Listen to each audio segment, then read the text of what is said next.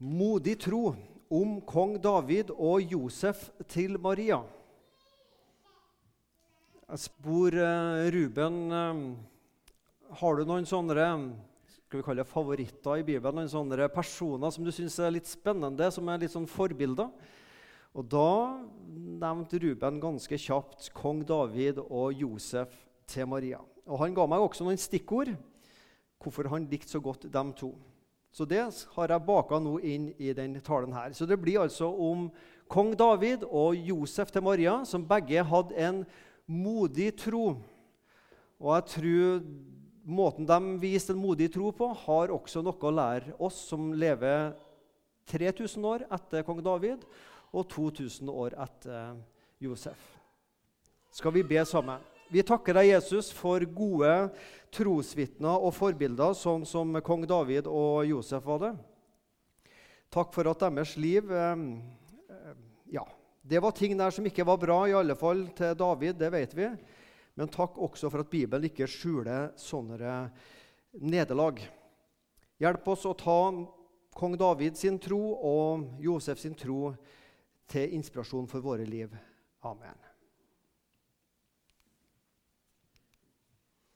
Kong David, Israels andre konge etter Saul. Israels største og mest berømte konge. Han satt på trona i ca. 40 år. og Han levde ca. år 1000 før Kristus. Så da har du liksom eh, kong, eh, kong, David der, og så går det 1000 år, så er det kong Kristus. Og så går det 1000 år, så er det kong Olav den hellige, og så er det kong Harald i dag. Liksom bare for litt sånn tidsperspektiv her. Så det var et godt stykke fra kong David til Jesus, ca. 1000 år. Han ble salva av profeten Samuel da han ennå var ganske ung. Han var, som vi husker fra bibelhistorien, yngst av mange brødre. Og um, da Samuel skulle salve en til konge, så starta han med den eldste. Og så Nei, sa Gud, det var ikke han. Og så endte man opp med David. Og Gud visste hva han gjorde. Jeg kan lese det at eh, David omtales som vakker, modig, sterk og klok. Så sannelig kan det vel være et forbilde å strekke seg etter. Og så var han harpespiller. Av alle ting. Jeg har ikke møtt mange menn som er harpespillere, men det var altså kong David. Og så var han hyrde. Passa på sauer. Og det står i Bibelen at han kjempa både mot, bjørne, eh, bjørne, mot bjørn og løve. og så har jeg tenkt på det når han var modig i kampen mot bjørn og løve. Så er det et lite læringspunkt her. Så hadde han lært seg taktikk, hvordan skulle, han skulle angripe dem. Med kjepp og med ja, Det var vel ikke så mye gevær på den gangen, men hvordan skulle jage vekk bjørn og løve. Han hadde lært seg gode taktikker på det. Og så ba han til Gud. Han gikk ikke i egen kraft, men han ba til Gud når han møtte bjørn og løve. og Det tror jeg de fleste av oss ville gjort når, hvis vi hadde møtt det. Ba til Gud. Og så er det et fint samspill her. For han satte seg ikke bare ned og sier at nå kommer det bjørn og løve, Gud. Jeg gidder ikke å gjøre noe, nå må du ordne opp. Jo visst ordna Gud opp, men David brukte jo sine kunnskaper også. Så han var modig ut, med, ut fra det han hadde lært, og lærte seg av gode kampteknikker. Og så stolte han på Gud. Vi skal få be til Gud og stole på Han, men det betyr ikke at vi trenger å sette oss i en stol og vente på at Gud skal ordne opp alt i livet. Det var et lite læringspunkt fra David. Han var i tjeneste hos kong Saul, først som harpespiller, senere som soldat, og kjempa mot filistrene, som da var de store fiendene til israelsfolket. Og Der møtte han en forholdsvis stor filister som heter Goliat. Han var en plass mellom to og tre meter høy. Han spotta Gud og hans folk, og Goliat han stola bare på egen styrke. Ingen tillit til Herren Gud. Han var, hadde modig tro på seg sjøl, modig tillit til egen styrke, og hadde ingen modig tillit til Gud. Så hva kan vi lære av David i møte med Goliat? Jo, David gikk til kamp mot Goliat og sette alt håp til Gud og vite at hvis Gud ikke hjelper nå, så taper ikke bare jeg, men hele israelsfolket, og vi mister våre liv og vår frihet. Hvis du, Gud, ikke griper inn, så er vi ferdige. Lille, lille David mot store Goliat. Og Du kan ennå høre det i dag om du ser en fotballkamp fra en cuprunde med et dårlig lag fra langt ned i divisjonene som møter et topplag. Så bruker av og til kommentatorene dette blir jo Davids kamp mot Goliat. Så altså, 3000 år senere så lever denne historien også i fotballverden.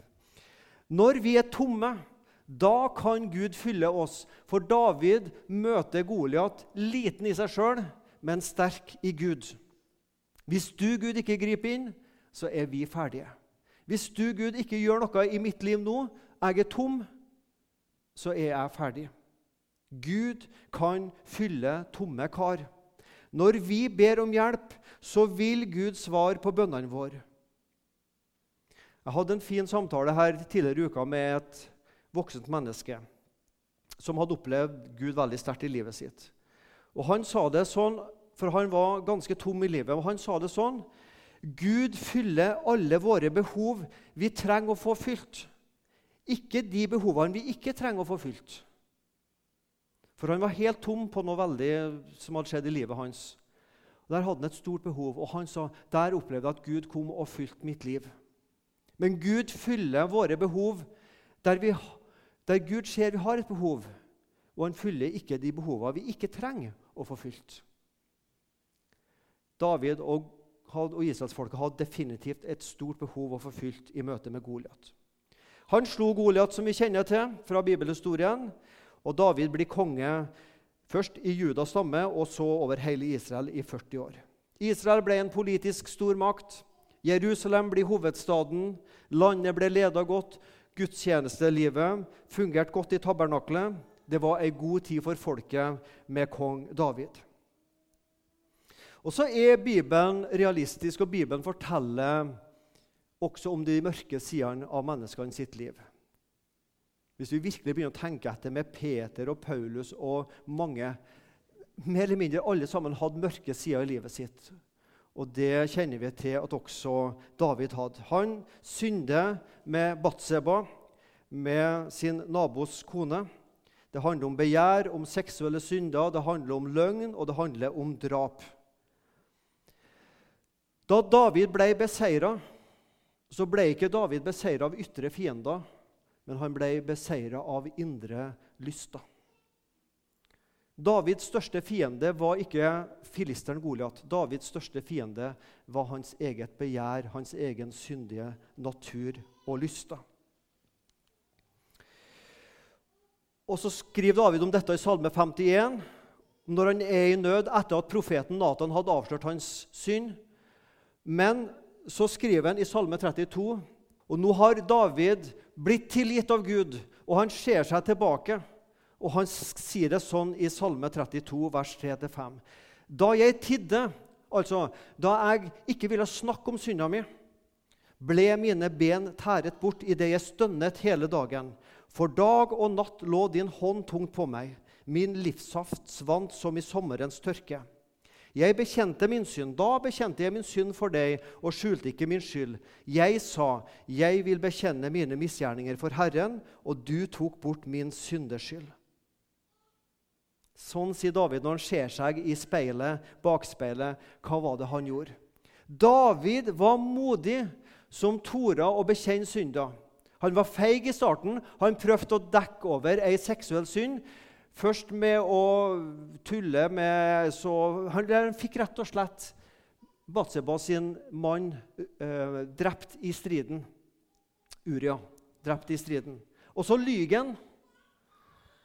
Han er alt annet enn modig, men så blir han avslørt. Men i møte med Guds lys som lyser innover ditt og mitt liv, så kan vi velge å skjule synder, eller vi kan velge å bekjenne synder.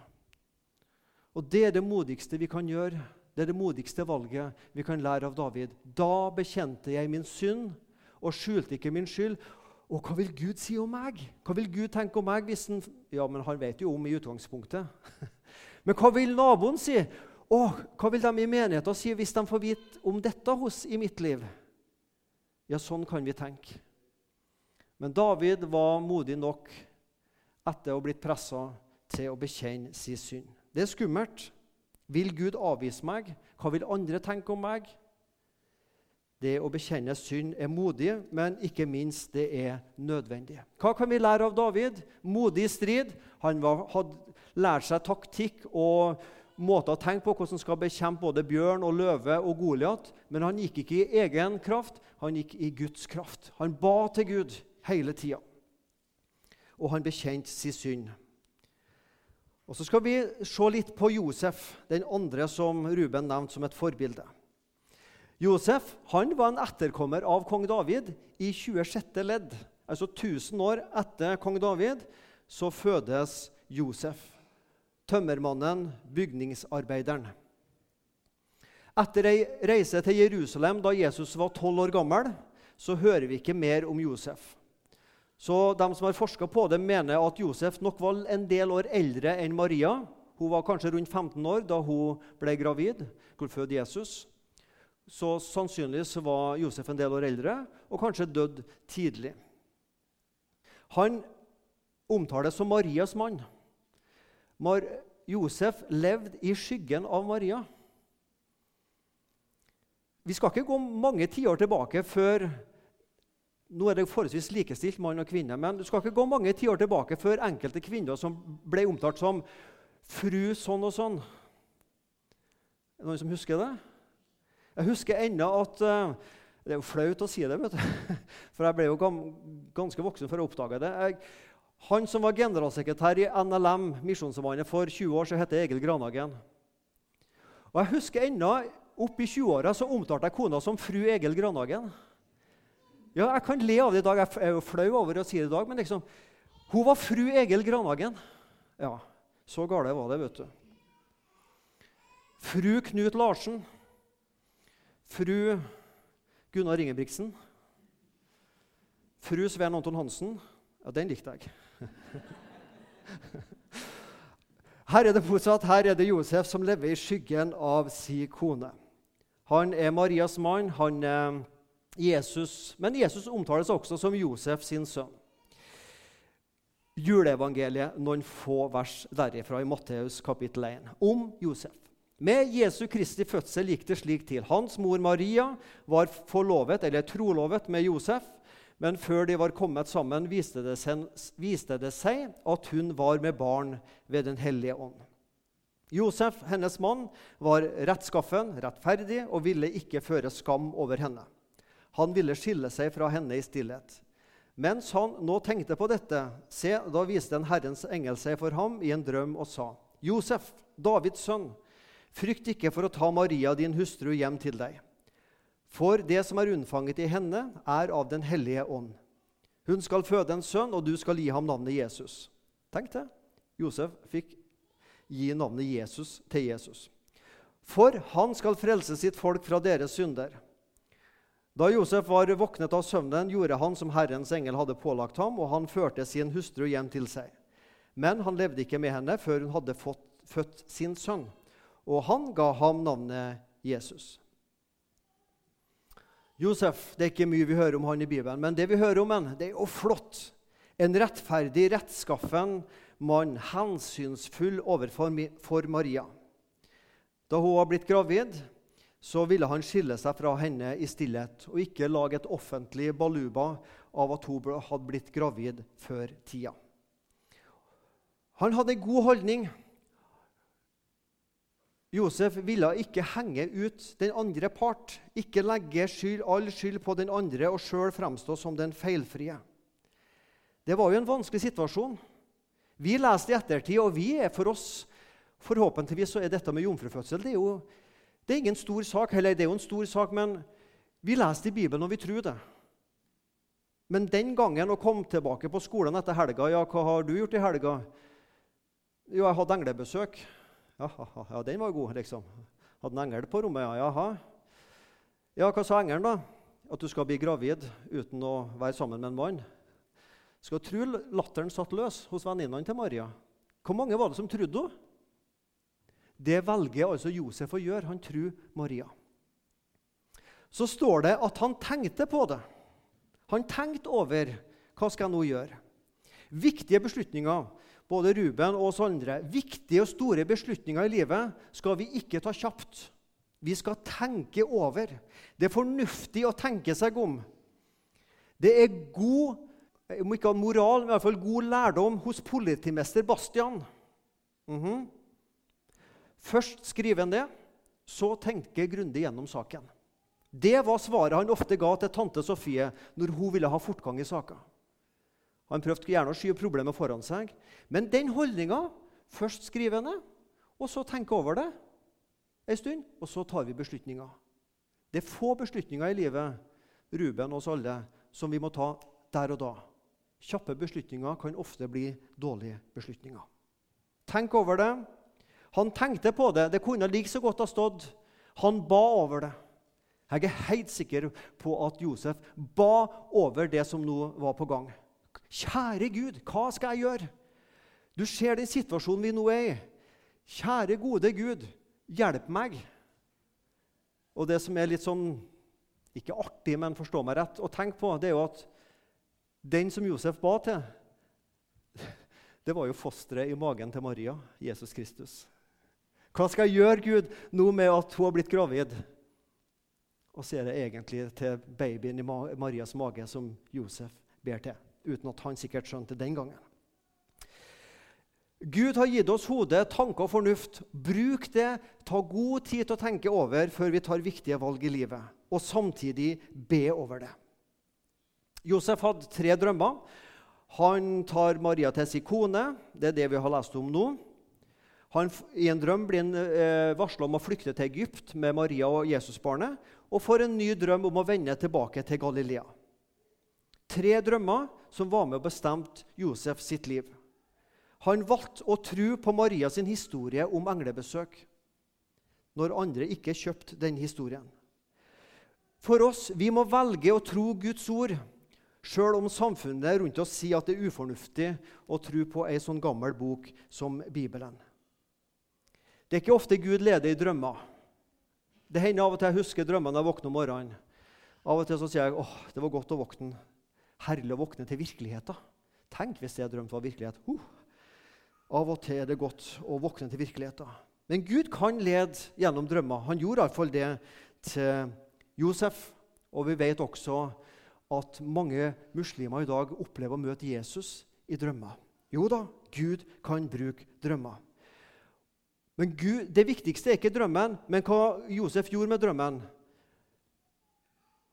Gud sa gjennom engelen, 'Ta Maria hjem til deg som din kone.' Han sa, 'Reis med Maria og barnet til Egypt.' Og en stund etterpå, 'Reis tilbake.' Og så er Josef sin holdning fordi du, Gud, sier det, så vil jeg gjøre det. Fordi du sier det, vil jeg gjøre det. Framme i min bibel så har jeg skrevet de fire bokstavene F, D, S, D, V, J, G, T. Fordi du sier det, vil jeg gjøre det. Jeg står ikke her og sier at det praktiserer jeg 100% Det vil være hykleri. Men jeg har en bønn om at det skal være min holdning. Ruben, din holdning, oss alle sin holdning. Fordi du sier det, Gud, så vil jeg gjøre det. Det siste jeg skal si. Kong David og Josef møtes i Jesus Kristus. Det er 1000 år mellom kong David og Josef. Og Josef er 26. etterkommer i ledd. Tipp, tipp, tip, tipp, tipp, tipp, tipp, tipp, tipp, ikke sant? Etter eh, kong David. Jesus omtales som Davids sønn, og han omtales som Josefs sønn. Jesus er også Guds sønn. Så sjøl om både Josef og David var fedre på en måte til Jesus, så var Jesus deres herre. Jesus er herre over David og Josef, og begge må bøye seg for Jesus. Jeg las nettopp juleevangeliet. Og mens jeg leste det og forberedte meg, så dukka det opp en julesang i hodet mitt. og nå er det mange måneder dit. Men det var denne sangen 'Det kimer nå til julefest'. Og Vi skal ikke synge den, og jeg skal ikke lese hele den sangen, men jeg skal lese ett vers. For der møtes Josef og David på en måte. i tredje vers i Det kimer nå til julefest, så står det sånn. Og da er vi på Betlehemsmarkene. Hvor David gikk i unge år som salvet drott, altså drott konge, som salvet drott og voktet får. Hvor David gikk i unge år som salvet drott og voktet får. Der åpenbarer Herren nå hva David kun i ånden så. David som en hyrde på Betlehemsmarkene 1000 år. Så går det 1000 år, altså 1000 år før Kristus, så går det 1000 år, og så kommer Josef til de samme markene. Og så får Josef se det som David kun i ånden så. En frelser. Guds sønn, Davids sønn, Josefs sønn, Guds sønn frelseren Kristus. Det skjønte ikke David, men han forsto at en gang der framme så skal det fødes en konge som er mye større enn meg, som skal være herre ikke bare over Israel, men over alle menneskene. Og denne kongesønnen får Josef se. Josef fikk kanskje ikke så langt liv, men han fikk se Jesus. Han fikk holde Jesus. Han fikk være med å oppdra Jesus. Det snilleste barnet som noen gang har levd. Jeg tror ikke Jesus grein engang. altså. De slapp sikkert å skifte bleie på han, for alt jeg vet. Nå står ikke det i Skriften, og det, nå skjønner dere jeg karikerer her, men for et barn! men Josef måtte også, som David, lære seg å bøye seg for Gud med sine synder. Og han som oppdrar barnet, han måtte bøye seg for barnet og si, 'Du er min Herre'. Det er den viktigste lærdommen med modig tro som Ruben som konfirmant og vi alle kan ta med oss og bøye oss for dette barnet, denne gudesønn som ga sitt liv på et kors. For Davids sine seksuelle utskeielser, for Davids sin både hor og løgn og mord og mine synder, som jeg ikke skal begynne å ramse opp, men også dine synder. Gud er sønn. Det er modig tro å satse livet på Han. Lykke til, Ruben, med å satse livet på Jesus. Og det må vi alle gjøre. Kjære Jesus, takk for det blod du ga på Golgata. Det har eh, kraft og makt i seg til å utslette alle mine og våre synder, Jesus. La oss leve i en modig tro og en trygg tillit til at uh, du er den du sa du var, og det du gjorde, det holder i liv og i død. Så takker vi deg for kong David og Josef med sine feil og mangler, at du også brukte dem i din store frelseshistorie. Amen.